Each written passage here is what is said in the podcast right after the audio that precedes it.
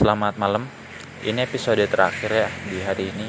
Sengaja aku buatnya singkat-singkat karena emang waktuku terbatas hari ini dan banyak kesibukan yang masih menanti habis ini.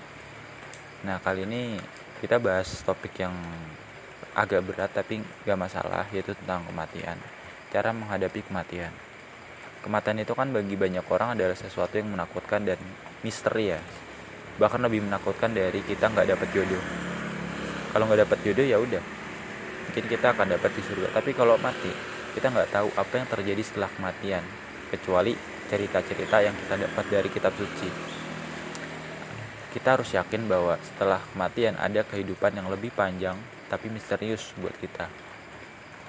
Cara menyiapkan gimana? Ya pertama akhlak kita baik. Akhlak baik itu nggak nggak perlu muluk-muluk. Artinya kita ramah sama orang kita tepat waktu nggak nunda-nunda minta bantuan saat kita benar-benar butuh.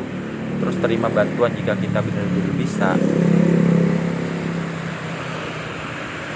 Kasih sesuatu kalau kita punya kelebihan. Gitu. tapi kalau uang itu aku masih jangan aku nggak menyarankan untuk meminjami uang orang lain. Karena apa? Uang itu kan sesuatu yang licin ya sesuatu yang bisa menimbulkan konflik lebih besar gitu jadi kalau aku belum prefer kalau untuk soal uang. Karena ada orang yang emang maunya cuma ngutang tapi dia nggak pernah mau bayar utang. Itu ada. Banyak. Kan kasus-kasus sering terjadi ya. Orang yang ditagih malah lebih galak dari yang nagih.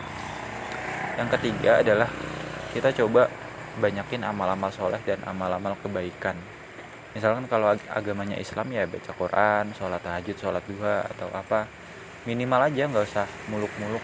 Tapi kalau emang punya kemampuan lebih dan bisa konsisten kunci utamanya tuh konsisten setiap hari. Sholat duha dua rakaat tapi konsisten bertahun-tahun itu bagus. Daripada sholat duha sholat tahajud baca ini baca itu tapi cuma sekali. Sayang kan? Seterusnya adalah berbakti sama orang tua. Orang tua itu adalah kunci utama kalau mau kalau masih hidup kita bakti sama mereka. Tapi kalau udah meninggal kita doakan. Kita rutin ke kuburan mereka mendoakan. Semoga mereka diterima di sisi Tuhan gitu loh.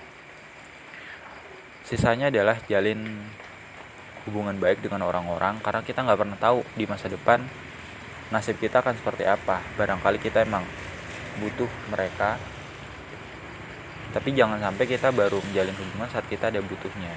Jalin hubungan sejak sekarang. Saat kita nggak ada kebutuhan biar besok saat kita minta bantuan mereka enak itu udah kenal sama itu. Udah kenal nih aku bantu deh karena kesusahan. Itu tips menghadapi kematian. Dan aku juga masih belajar ya sampai sekarang